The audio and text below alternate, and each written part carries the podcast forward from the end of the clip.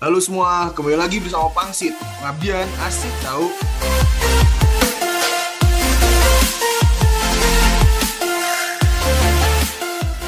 Kenalin nih, gue Kevin. Udah lama banget ya nggak ketemu.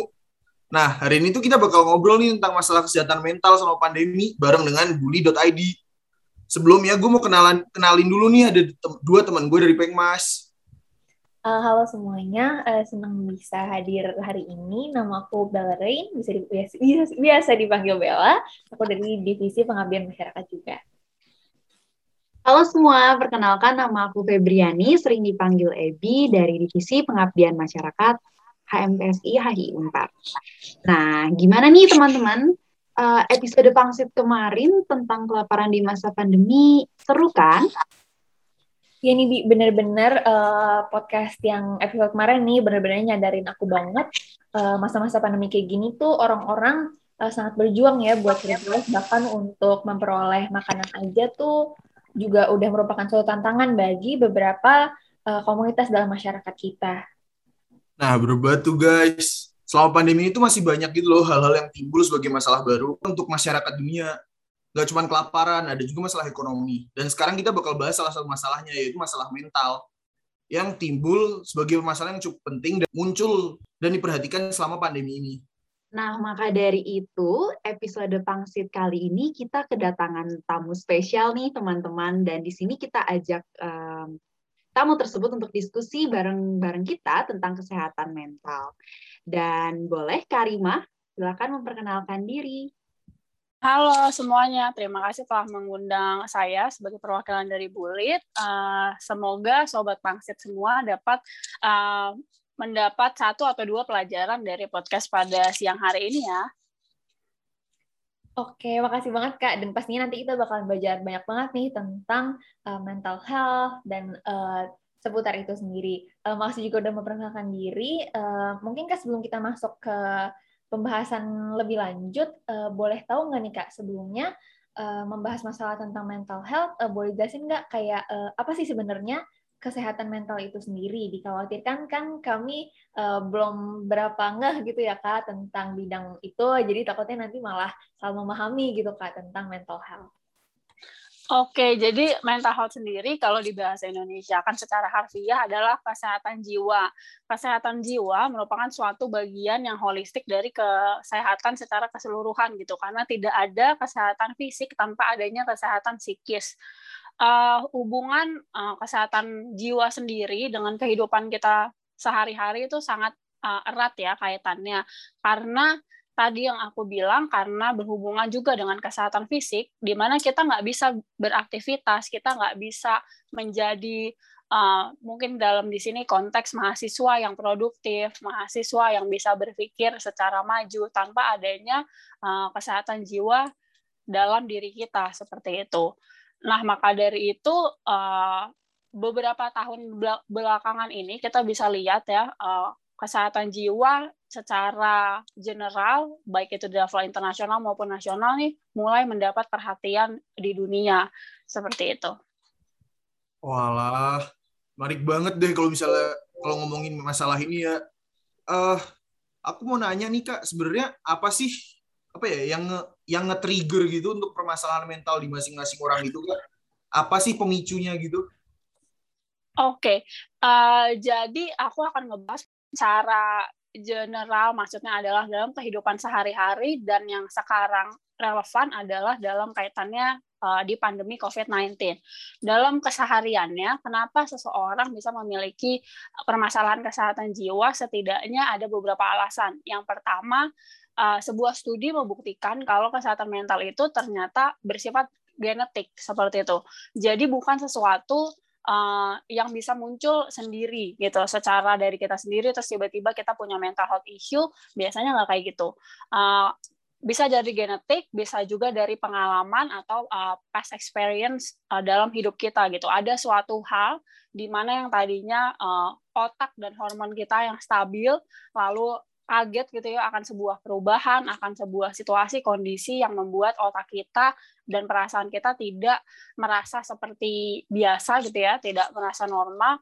Nah, itu uh, respon dari tubuh dan otak kita sendiri itu akan menimbulkan beberapa efek atau output gitu ya. Yang salah satunya adalah di, uh, di di masalah kesehatan jiwa sendiri dapat berupa anxiety, stress, panic attack dan lain sebagainya. Nah, kaitannya dengan COVID-19 ini pandemi COVID-19 sekarang ini sangat relevan seperti itu. Banyak orang yang uh, akhirnya mengalami gangguan kejiwaan atau isu pada kesehatan jiwa mereka karena pandemi COVID-19 kalian tahu nggak? Jadi ada sesuatu hal yang menarik uh, dari live uh, bullet bersama psikolog beberapa minggu kemarin kita membahas tentang faktor psikososial seseorang, uh, faktor psikososial yang mempengaruhi kesehatan jiwa seseorang selama pandemi. Nah, kalau kalian pernah dengar nih uh, kasusnya Jerings dan mungkin kemarin ada dokter yang uh, banyak menimbulkan kontra ya debat tentang obat COVID, kalian pernah dengar? Nah, itu ternyata orang-orang yang denial terhadap adanya COVID-19, denial mau divaksin, terus membuat mengada-ngada kalau COVID-19 adalah konspirasi, COVID-19 adalah ini itu, itu ternyata adalah salah satu uh, tanda atau respon dari kesehatan jiwa mereka terganggu.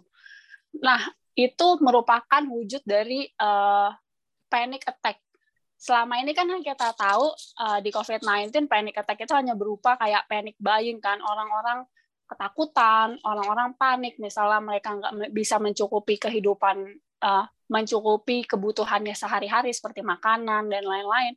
Nah, ternyata bentuk paniknya itu bisa juga berupa denial itu tersendiri loh.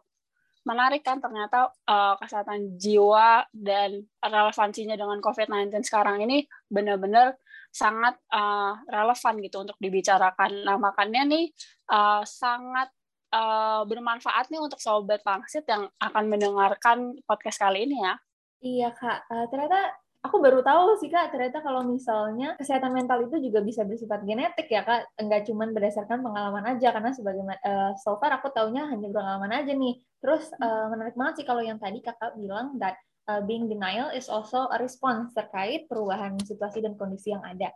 Uh, nah, terkait itu Kak, kan itu kalau misalnya kayak kalau panic attack, kalau anxiety attack itu kan mungkin gejala-gejalanya lebih jelas ya Kak dibanding kalau misalnya kayak uh, kita being denial dan apa apalagi banyak orang yang juga belum tahu seperti yang mungkin nanti sobat-sobat pangsit baru ketahuin kalau misalnya being denial is also a response uh, ada nggak sih kak gejala-gejala yang timbul dari seseorang ketika dia mulai memiliki masalah tersebut kak dan apakah kira-kira gejala itu itu common untuk disadarin sama orang-orang sekitar atau bahkan sama diri sendiri gitu kak that uh, there is something wrong with uh, orang tersebut gitu. Oke, jadi kalau misalnya uh, dikatakan bisa nggak sih orang-orang di sekitar uh, recognize gitu ya ketika seseorang memiliki mental health apalagi kalau misalnya di konteks yang tadi uh, masalah denial. Untuk itu agak sulit ya untuk diketahui. Tapi kalau dari uh, individu sendiri, sebuah denial, sebuah panic attack, bahkan sebuah overthinking pun adalah merupakan mekanisme uh, alami manusia. Itu adalah sebuah insting manusia uh, untuk membuktikan kalau kita tuh masih mau hidup, kita masih mau survive, makanya kita overthinking, makanya kita uh, melawan keadaan tidak berani tidak apa ya challenge the status quo gitu ya kalau misalnya covid itu nggak ada gitu uh, mungkin kalau mau di bring to the bigger picture uh, dalam konteks misalnya panik itu tersendiri orang-orang yang panik karena uh, COVID-19 dan menganggap COVID-19 itu konspirasi dan tidak ada mungkin mereka punya bisnis mereka punya pekerjaan yang memang rely uh, uh, rely dari uh, service yang diberikan pada publik gitu ya. Dengan adanya COVID, mereka jadi dibatasi, uh, usaha mereka nggak lancar dan lain sebagainya. Tentunya pasti ini menimbulkan tekanan sendiri ke mental mereka dan akhirnya hasil dari tekanan tersebut pasti berpikir ya ketika kita ditekan kita nggak mungkin diem aja pasti ada respon tubuh kita berpikir. Dan ketika berpikir kita akan menciptakan gitu ya beberapa opsi-opsi yang memungkinkan untuk uh, kita bisa survive gitu. Opsi-opsi yang menguntungkan kita dan uh, dirasa paling safe uh, safe choice gitu ya untuk diri kita sendiri. Nah itu mungkin salah satunya misalnya kalau tadi kita bahas kasus Jerings ya seperti itu gitu. Dia kan musisi, dia dapat uang memang dari tampil-tampil di publik, adanya COVID-19 dia nggak bisa tampil, jadi uh, penghasilannya berkurang, jadi terdapat tekanan. Nah itu semua uh, benar-benar uh, apa namanya seperti ada benang merahnya gitu, benar-benar sebab akibat semua itu terjadi nggak cuma gara-gara dia uh, apa namanya tidak ada reason tiba-tiba bisa mengatakan COVID-19 itu nggak ada karena uh, vaksin itu nggak perlu dan lain sebagainya. Oke, terima kasih banget Kak untuk jawabannya. Dan sebetulnya kalau tadi kita membicarakan tentang lebih general dan uh, dampaknya ke COVID-19 itu, termasuk dengan kesehatan mental dan sebagainya. Tapi aku pengen menanyakan lebih lanjut lagi Kak, terkait tadi Kakak sempat uh, bilang juga ke kita bahwa memang sebetulnya kesehatan mental itu bisa dari genetik maupun pengalaman kan Kak. Nah, kalau dari Bully It sendiri dan kakak sebagai bagian dari Bully It, apa saja sih uh, kesehatan mental yang sudah pernah ditangani oleh Bully It dan mungkin jenis-jenisnya seperti apa? Itu. Oke, terima kasih Febriani. Jadi untuk Bullet sendiri, uh, kita memang kita berdiri di bawah yayasan yang di Algita Pasar Ibu. Untuk yayasannya sendiri sebenarnya sudah ada uh, dan legalitasnya sudah ada dari 2014. Tapi untuk Bullet ini sendiri baru berjalan di bulan Mei 2020. Dan memang inisiasi awal kita pada awalnya adalah program COVID Care, di mana saat itu kita lihat uh, dan kita ingin membantu masyarakat yang terdampak secara psikis dari adanya pandemi COVID-19. Saat itu kita masih berfokus ke masyarakat yang terdampak, khususnya pekerja yang di PHK, dan juga uh, masyarakat yang mengalami stres, tekanan selama mereka berada di rumah saja. Itu tadinya. Nah, seiring dengan berjalannya waktu dan kita melihat juga uh, apa namanya kasus-kasus yang terjadi di Indonesia, ternyata uh, karena shifting dari kegiatan offline pindah ke offline ke online jadi uh, sebuah uh, problematika terjadi gitu.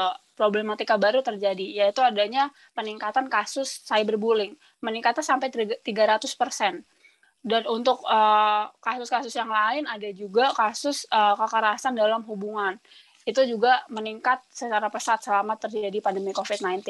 Nah dari situ uh, mental health support yang diberikan pada Bullet akhirnya meluas gitu beneficiariesnya. Kalau tadi misalnya cuma untuk pekerja yang di PHK dan orang yang uh, merasa stres karena di rumah aja, kita jadi lebih open ke society yang memang uh, apa namanya tadi ya menjadi korban dari perundungan, terus juga korban dari kekerasan dalam hubungan. Hmm. Untuk mental health support kita sendiri terbagi dari dua jenis ya. Jadi ada yang dengan volunteer, untuk volunteer kita sendiri itu mental health support volunteer dan legal support volunteer. Itu volunteer kita uh, kebanyakan adalah mahasiswa juga semester 7 semester 8 jurusan psikologi dan hukum yang tentunya sudah dibekali oleh psychological first aid dan juga untuk uh, uh, hukum perdata mengenai perundungan dan kekerasan rumah tangga. Jadi sudah dibekali gitu dan uh, untuk hal-hal sampai hal atau batas mana aja yang mereka bisa handle. Ketika memang orang yang konsultasi uh, dilihat kayaknya masalahnya udah safer nih udah nggak bisa dipegang lagi uh, oleh volunteer maka akan direferensikan ke bullet expert kita. Nah, untuk bullet expert sendiri, uh, itu adalah psikolog yang memang sudah berlisensi dan tentunya pengacara dan para legal yang bekerja kerja di uh, lembaga bantuan hukum. Jadi Bulit kerjasamanya dengan mental health clinics, LBH, dan juga law firm. Oh, banyak juga kak. Nah, ini kak kalau misalnya untuk apa namanya gerakan-gerakan yang udah dilakukan ini kak sama Bully It, kira-kira menurut kakak tuh apa sih dampak dampak yang udah berhasil diraih gitu loh kak sama Bully It? Apakah awareness tentang mental health atau bantuan yang sudah menyebar atau gimana gitu kak? Iya, jadi untuk uh, efektivitas dari awareness activities yang telah dilakukan Bulit selama satu tahun belakangan ini, kita telah mencapai 45 ribu online beneficiaries. Karena kan tadi aku udah mention kalau Bulit memang uh, mainly fokusnya adalah online consultation seperti itu ya, online support. Nah, kita telah 45 ribu online beneficiaries masyarakat Indonesia. Untuk volunteer kita sendiri aja itu per satu orang dalam uh, dalam jangka waktu 1 sampai 3 bulan itu mereka bisa megang 63 uh, pelapor gitu atau 63 orang yang berkonsultasi itu hanya untuk satu volunteer sementara kita punya beberapa volunteer. Jadi kalian bisa sed punya sedikit gambaran kayak berapa banyak sih orang yang uh, berkonsultasi dengan uh, volunteer bullet dan juga bullet expert. Untuk kasus-kasus yang banyak kita pegang selama pandemi COVID-19 ini ini akan uh, menarik untuk kalian. Karena kalian mahasiswa juga banyak yang konsultasi ke kita adalah mahasiswa uh, dan laporannya adalah uh, biasanya mahasiswa baru semester 1 semester 2 mereka ngerasa kalau mereka nggak bisa bersosialisasi mereka punya gejala social drawback mereka nggak bisa mau mulai konversasi conversation uh, mereka nggak bisa uh, apa namanya mem, mem, bangun pertemanan gitu ya, membuka obrolan dengan teman-temannya yang baru karena belum pernah ketemu sama sekali nih. Kasihan banget kan maksudnya kayak hal, -hal seperti itu mereka jadi khawatir dan akhirnya mereka konsultasi sama Bullet gitu. Uh, selain itu uh, masyarakat yang umumnya konseling dengan Bullet adalah yang punya masalah-masalah uh, psikososial yang berhubungan sama pandemi. Misalnya uh, mereka kena panic attack dan anxiety khususnya masyarakat masyarakat di kota besar di mana mereka setiap hari mendengar suara ambulan yang sebelum covid nih mereka baik-baik aja gitu kalau dengar suara ambulan. Sekarang mereka kalau dengar suara ambulan udah nutup kuping udah gemeteran udah keringet dingin itu banyak banget yang lapor ke bulit kayak gitu. Karena setiap kali mereka uh, dengar ambulan gitu ya lewat atau lihat ambulan lewat mereka udah pikirannya oh ada ada kasus covid lagi nih. Wah tetangga gue ada yang meninggal lagi nih ada yang kena lagi covid. Wah saudara gue ada yang kena lagi hal, -hal seperti itu yang banyak diadukan selama uh, kita memberikan online consultation selama satu tahun belakangan ini Wah, ternyata banyak sekali ya, Kak, eh, dampak-dampak yang sudah kita lihat juga dari kesehatan mental itu sendiri, terutama di keadaan pandemi COVID-19 ini. Dan sebetulnya tadi aku juga sempat dengarkan bahwa memang Bully It ini bakal uh, dibaginya melalui volunteer dan juga legal legal support volunteer. Sebetulnya Kak yang mereka lakukan ini pendekatannya dalam bentuk apa ya Kak untuk nge-reach out teman-teman yang memiliki masalah kesehatan mental ini? Iya, kalau untuk sekarang reach out kita uh, gimana kita uh, apa namanya bisa ngajak encourage orang-orang biar speak up about their mental health issue. Sejauh ini kita hanya uh, di online platform aja gitu ya. Dari webinar-webinar uh, workshop. Kita kemarin ada workshop juga sama UNICEF. Terus biasanya workshop-workshop dengan bullet expert kita. Uh, seperti itu sih. Uh, dan uh, apa namanya untuk kesadaran akan masyarakat uh, sekarang bisa lapor, bisa konsultasi masalah mental health-nya, uh, kita melihat ada grafik yang meningkat gitu setiap bulannya. Ini merupakan hal yang positif sih. Aku lihat tren yang positif walaupun memang dilihatnya kayak oh makin banyak yang lapor berarti orang Indonesia ternyata banyak yang nggak sehat mental ya. Tapi sebenarnya nggak nggak kayak gitu gitu. Sebenarnya adalah uh, mungkin dari dulu udah banyak, tapi dulu nggak ada platformnya dan orang masih bel belum berani bicara. Nah sekarang udah ada platformnya dan banyak edukasi, banyak awareness yang disebarkan, jadi mereka akhirnya mau speak up seperti itu. Uh, dan untuk kita sendiri sangat merasa uh, terbantu juga secara tidak langsung karena memang hal ini kan udah uh, menjadi isu yang umum ya, udah banyak dibicarakan gitu. Sampai artis-artis, uh, influencer-influencer juga sekarang udah banyak yang speak up tentang mental health, banyak yang encourage tentang uh, apa namanya consultation sama profesionals. Jadi menurutku sekarang trennya udah positif, orang-orang udah semakin sadar gitu ya, khususnya di kota-kota besar ya, semakin sadar kalau uh, memang mental health itu penting gitu untuk dibahas dan untuk di uh, istilahnya dilakukan langkah-langkah preventif dan kuratif kalau memang udah memiliki masalah mental health. Oke, okay. uh, menarik banget sih ya Kak uh, I juga merasakan sih hal itu dan kayak uh, aku melihat banyak juga platform-platform yang cukup-cukup besar gitu ya, tapi yang sebenarnya bukan memang fokus ke bidang mental health itu juga mulai bantu menyuarakan mental health dan juga influencer-influencer yang kayak kata dibilang juga udah mulai aware uh, tentang hal ini and I believe that is a very good thing. Uh, tapi mungkin juga mau tanya kak, uh, bagaimana uh, dan apalagi tadi referring back to apa yang tadi kakak bilang yang cukup mengejutkan kalau misalnya yang banyak lapor adalah rata-rata mahasiswa baru dan sebagainya sebenarnya adalah cukup dekat ya dengan kita maksudnya uh, kita bergesekan ya sebenarnya sama mereka hmm. baik dari program kerja program kerja dan sebagainya uh, kira-kira uh, kalau menurut kakak uh, since kita adalah orang-orang yang sebenarnya ada di sekitarnya mereka gitu ya what can we do gitu kak as a person untuk bisa membantu mereka at the very least gitu Oke, okay. mungkin kalau di sini uh, sebagai teman kali ya. Kalau misalnya sebagai senior ke junior, mereka aja yang sesama maba aja nih susah gitu untuk berkomunikasi. Gimana kalau misalnya tiba-tiba senior ada yang kayak ngechat, hai kamu ada uh, apa gitu, kamu bisa share. Itu kan agak aneh ya secara ini agak agak awkward sih. Nah uh, mungkin di sini aku bakal uh, membahas tentang gimana kalau kita punya teman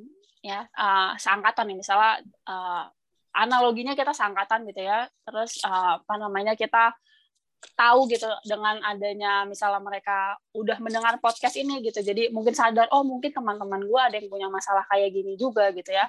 Nah bisa untuk uh, open up conversation pertama gitu duluan. Jadi bisa start conversation duluan dari hal-hal yang simple karena nggak uh, bisa dipungkiri kita hidup di antara extrovert dan introvert gitu ya. Kalau emang introvertnya nggak make move ya sebagai extrovert coba untuk make move gitu ya. Walaupun memang uh, make move di lewat uh, dunia maya gitu ya lewat sosial media tuh memang lebih uh, apa ya lebih challenge gitu daripada langsung kalau langsung kan kita mungkin masih bisa say hi kita ada gesture tubuh yang uh, lebih bisa meyakinkan lebih bisa membuat nyaman tapi kan kalau chat apalagi belum pernah ketemu kita nggak tahu ini intonasi orang seperti apa cara bicara dia seperti apa. Jadi nggak tahu kalau misalnya ini orang beneran friendly nggak ya? Ini orang beneran care nggak ya? Jadi nggak tahu kan. Tapi itu oke okay, gitu. Selama kita mau peduli selama kita mau berusaha coba untuk uh, open up conversation sama uh, lingkungan kita. Seperti itu. Karena we never know uh, apa yang orang lain struggling gitu behind their door kan uh, banyak istilah kayak gitu. Jadi itu ya uh, yang bisa dilakuin yang termudah menurut aku adalah kalian khususnya yang merasa extrovert tolong dibantu, tolong di embrace teman-temannya yang uh, mungkin masih tadi ya diem-diem aja selama udah berarti kalau semester satu udah sekitar baru masuk ini ya? Baru masuk sebu oh belum masuk malah ya? Belum semester, belum mungkin semester dua kali ya semester 2 nih udah setahun berjalan berarti setahun berjalan online bisa mulai nih. Kayak ada nggak sih gue uh, teman sekelas yang gue belum pernah cetan gue belum pernah ngobrol gue belum pernah ada tugas bareng tugas kelompok bareng sekelompok bareng. Coba deh gue uh, chat dia coba deh gue mau kenalan sama dia gitu. Bener-bener in a personal level bukan cuman karena ada tugas bukan cuman karena memang apa namanya ada interest untuk yang berhubungan sama education, tapi benar-benar mengenal orang secara personal. Oke, okay, thank you banget Kak uh, sarannya untuk kita juga sebagai uh, sama mahasiswa nih lebih dapat mengenal juga teman-teman kita lainnya yang mungkin masih tergolong mahasiswa baru ya. Jadi kita juga mengerti bagaimana cara untuk nge-reach out mereka. Dan uh, aku juga pengen nanya sih kak. Dari tadi mungkin kita uh, mengetahui bahwa bully it sangat banyak nih gerakan yang dilakukannya kan? Tapi dalam hal tersebut aku tentu pengen penasaran banget nih nanya tentang tantangan-tantangan yang memang dialami oleh bully it itu sendiri dan uh, bagaimana sih kak untuk penanganannya itu? Terutama kan uh, menghadapi isu kesehatan mental di kala pandemi ini yang sangat banyak tentunya. Oke, jadi untuk tantangan yang uh, Bullet udah uh, lalui gitu ya selama memberikan on online consultation, yang pertama adalah uh, kita tahu bahwa konsultasi mengenai kesehatan mental sendiri itu masih lumayan bukan tabu, cuman masih uh, menjadi sebuah momok gitu ya di Indonesia. Itu adalah mental health uh, consultation secara langsung gitu in person Nah, ini sekarang dia pindah gitu. ke online yang sebenarnya fitur kita ada yang video sih cuman ada uh, opsi uh, chat chat dan voice call gitu atau voice chat nah uh, kebanyakan tapi yang ngambil voice call atau teks mungkin mereka kurang percaya diri untuk di video atau mungkin udah zoom fatigue juga udah ah udah males nih ngelihat orang terus di layar gitu. Jadi udahlah chat aja udahlah telepon aja. Nah terkadang ketika mereka melapor mereka melakukan konsultasi itu uh, lebih sulit gitu ya tantangannya lebih sulit untuk ketika kita memberikan konsultasi kan kita juga harus uh, talk in their level gitu. Maksudnya in their level tuh kayak kita harus punya empati, kita harus punya, kita harus tahu gitu uh, lawan bicara kita tuh dalam state yang kayak apa gitu.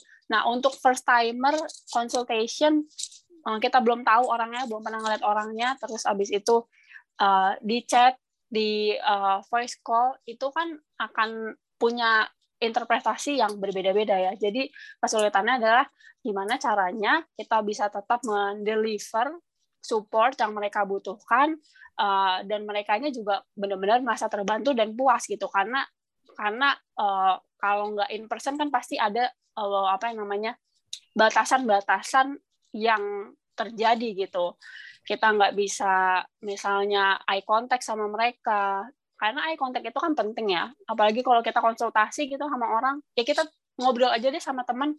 Kalau eye contact kan pasti lebih lebih dalam gitu lebih deep lebih merasa didengar lebih merasa secure gitu. Sementara kalau kalian curhat cuman chatan doang sama teman kalian pasti lebih uh, bisa dikatakan corny gitu lebih dangkal aja nggak nggak nggak bisa deep kan. Nah itu sama itu terjadi juga dalam memberikan uh, mental health support.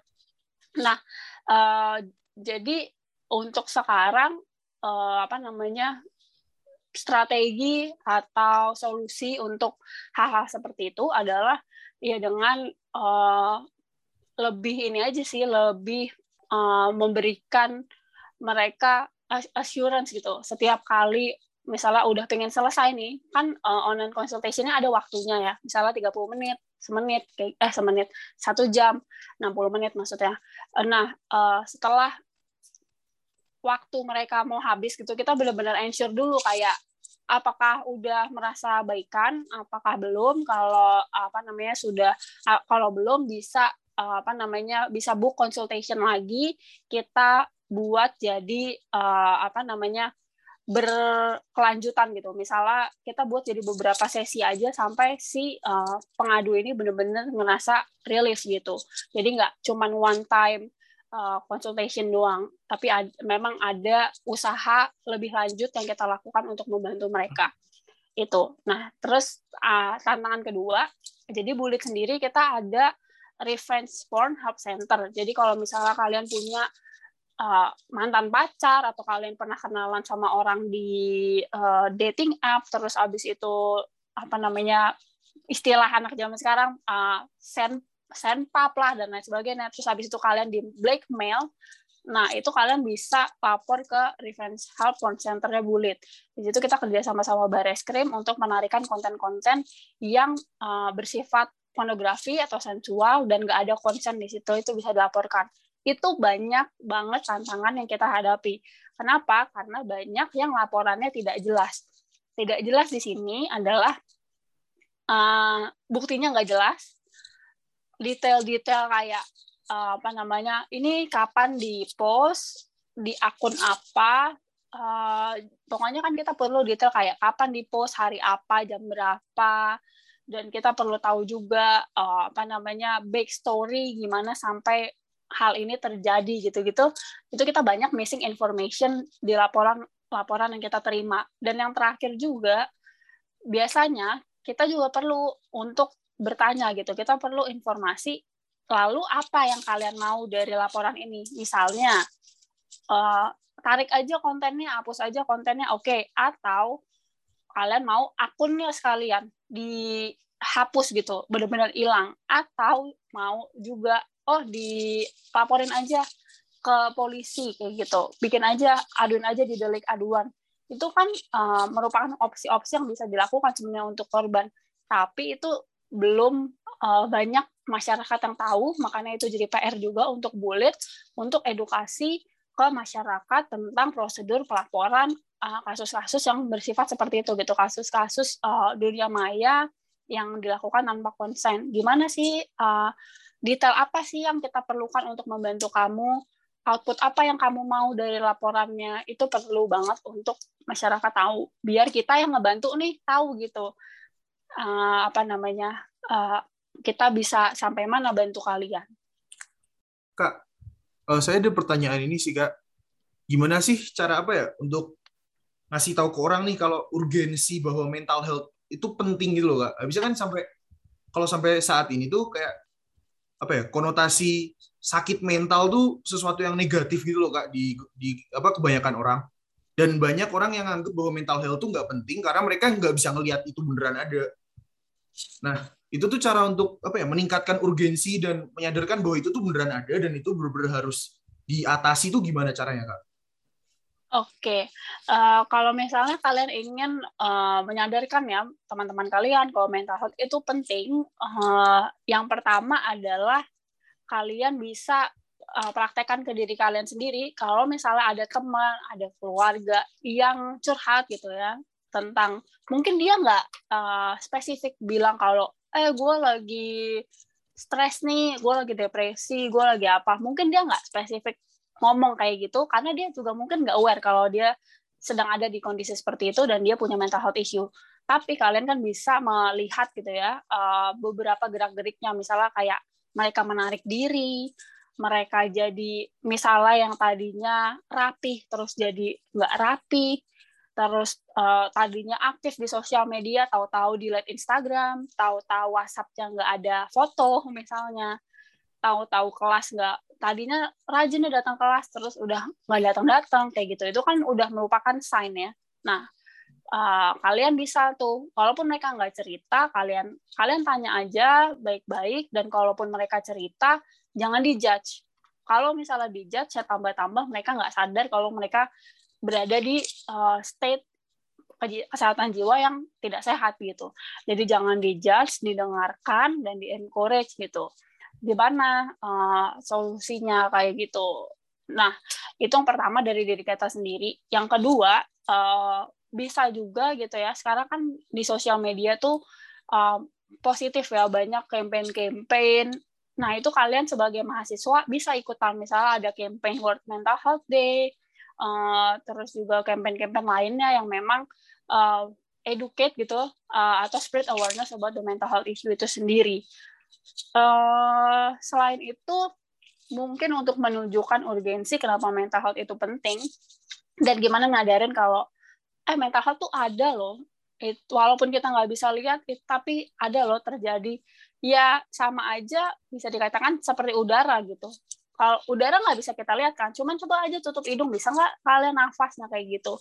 Mental health juga kayak gitu gitu kan. Nggak terlihat tapi kalau misalnya didiemin aja itu akan berefek nggak cuman ke diri dia sendiri cuman bisa ke orang lain. Gitu. Dia bisa harm sama orang lain dia bisa jadi toxic ke orang lain karena orang yang toxic itu pasti punya mental health issue. Yang kayak gitu-gitu yang bisa dilakukan. Oke. Uh, menarik banget ya pembicaraan hari ini. Uh, udah ke mana-mana dan banyak banget insight yang didapetin. Uh, kalau tadi uh, kita bisa tarik lagi dari awal uh, regarding apa itu sih mental health tuh uh, adalah bagian holistik ya kak dari kesehatan keseluruhan kita dan nggak ada kesehatan yang sempurna tadi uh, tanpa uh, kesehatan jiwa di mana pemicunya terkait mental illness sendiri itu bisa secara genetik juga secara pengalaman ya. Uh, insight yang menarik banget. Terus uh, apalagi berkaitan dengan COVID-19 ini uh, banyak banget respon-respon uh, secara mental gitu yang muncul dari masing-masing orang as a response dari uh, keadaan yang dialami saat ini dengan perubahan-perubahan yang ada.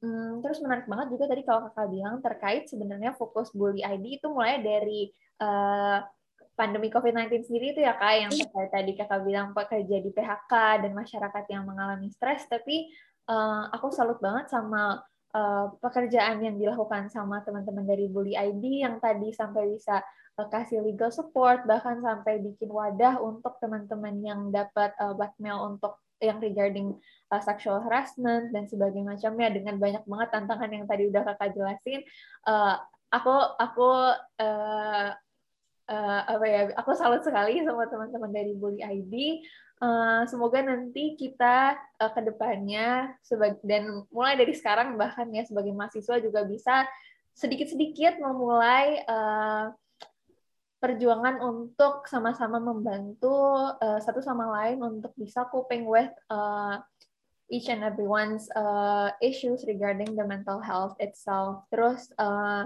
apalagi kita juga sebenarnya masing-masing punya suara ya kak untuk bisa uh, mengedukasi satu sama lain terkait uh, awareness untuk mental health itu sendiri.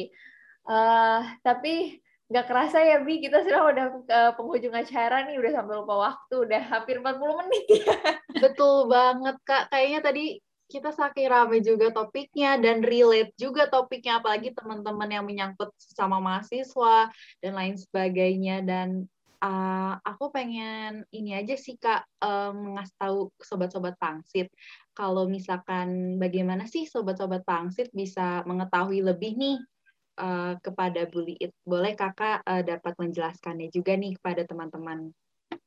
Oke, jadi untuk sobat pangsit, kalau misalnya kalian punya uh, masalah, kalian ingin konsultasi terkait mental health, uh, bisa kunjungi di website Bullet, di website kita sendiri bullet.org, org. Uh, terus di situ di page awal kalian bisa pilih gitu mau chat with expert atau uh, chat with volunteer. Kalau misalnya kalian masih ragu nih, ah gue pengen cek dulu deh uh, apakah gue udah sesever itu sampai perlu bantuan dari profesional, dari license psikologis atau dari license lawyer. Nah, mungkin kalian bisa mulai di uh, chat dengan uh, volunteer terlebih dahulu karena sifatnya gratis dan juga tetap terpercaya gitu. Uh, satu lagi yang kita unggulkan gitu ya. Kalau misalnya teman-teman di sini mungkin masih agak ragu gitu ya untuk konsultasi, Bullet sendiri punya fitur anonimus. Jadi walaupun kalian uh, kalian book nih kan untuk uh, apa namanya memulai konsultasi di Bullet itu kalian perlu bikin akun. Walaupun bikin akunnya pakai nama dan email sendiri, tapi saat memulai konsultasinya, kalau kalian malu, kalian kurang pede, kalian bisa pilih opsi anonimus. Jadi uh, nggak pakai nama asli kalian sendiri seperti itu. Dan untuk bullet sendiri kita udah tersertifikasi ISO 27001 di mana artinya kita sudah melindungi data privasi dari uh, masing-masing uh, pengguna yang membuat akunnya di bullet. Jadi nggak ada data yang disebarkan. Jadi sangat secure, sangat easy to akses gitu ya menarik banget ya menarik banget. Dan tambah tambah lagi terus semakin ke belakang aku semakin salut aja sama apa yang Bu Lita dilakuin ternyata masalah mental itu lagi serius banget ya teman-teman. Dan pantesan pantesan juga semakin dibahas uh, selama masa pandemi ini. Dan uh, di sisi lain juga it's a good thing that uh, awareness tentang uh, mental health issue sendiri udah mulai naik meskipun uh, disayangkan juga ya sebenarnya uh, pandemi ini juga turut berdampak ya ke kesehatan mental tiap orang. But uh, mungkin terkait itu juga kak, uh, mungkin uh, mau tanya nih kak, bagaimana sih kak harapan kakak pribadi dan mungkin teman-teman juga di Bully ID terkait masalah kesehatan mental kak di Indonesia, apalagi masalah uh, dalam masa-masa pandemi ini. Oke, okay.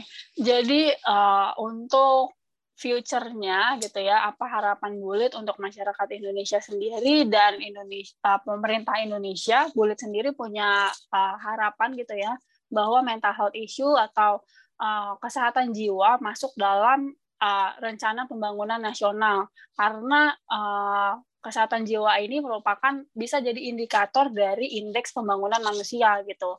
Karena erat juga kaitannya dengan yang tadi aku bilang produktivitas, kriminalitas itu kan semua uh, sumbernya asalnya adalah dari mental health juga gitu. Jadi sangat penting kalau ini dimasukkan dalam indeks pembangunan manusia yang selanjutnya dirumuskan dalam uh, uh, rencana pembangunan nasional seperti itu. Wah kak harapannya hebat banget ya kak. Jadi makin salut sama kakak sama teman-teman dari Bully It. Nah, mungkin kan perjalanan masih panjang nih Kak. Tapi harapan harapannya tuh semoga juga semakin cerah ya Kak apa untuk meningkatkan awareness mental health di Indonesia. Nah, semoga juga kami sebagai mahasiswa juga dapat melakukan bagian kami untuk turut meningkatkan awareness masalah ini dan saling membantu satu sama lain. Untuk pembicaraan kita hari ini kurang lebih sampai situ aja sih Kak. uh, menarik banget tadi yang udah kita bicarain, banyak banget insight yang udah didapetin dan uh, udah terinspirasi juga sama kinerja Bully ID sampai sekarang yang udah juga bisa melayani banyak banget orang, bisa membantu banyak banget orang, and I believe it matters very much untuk semua orang dan masyarakat Indonesia secara keseluruhan. Sekali lagi nih Kak, makasih banget udah hadir nih Kak untuk apa ikut podcast Pangsit, udah ikut ngobrol di sini. Aku juga berharap teman-teman Pengmas juga berharap dan juga sobat-sobat Pangsit yang mendengarkan ini berharap bagi uh, isu kesehatan mental ini dan sesuai harapan tadi dari Bulit itu dapat tercapai ke depannya. Nah Kak, ini aku pengen ngucapin lagi nih Kak, sekali lagi atas waktunya udah mau ikut ngobrol bareng kami di Pangsit. Nah, kalau untuk Sobat Pangsit sendiri, kita udah sampai nih di episode terakhir tahun ini. Makasih buat kalian yang udah nonton. Sampai kita ketemu lagi di Pangsit episode berikutnya. Dadah! Bye-bye! Dadah!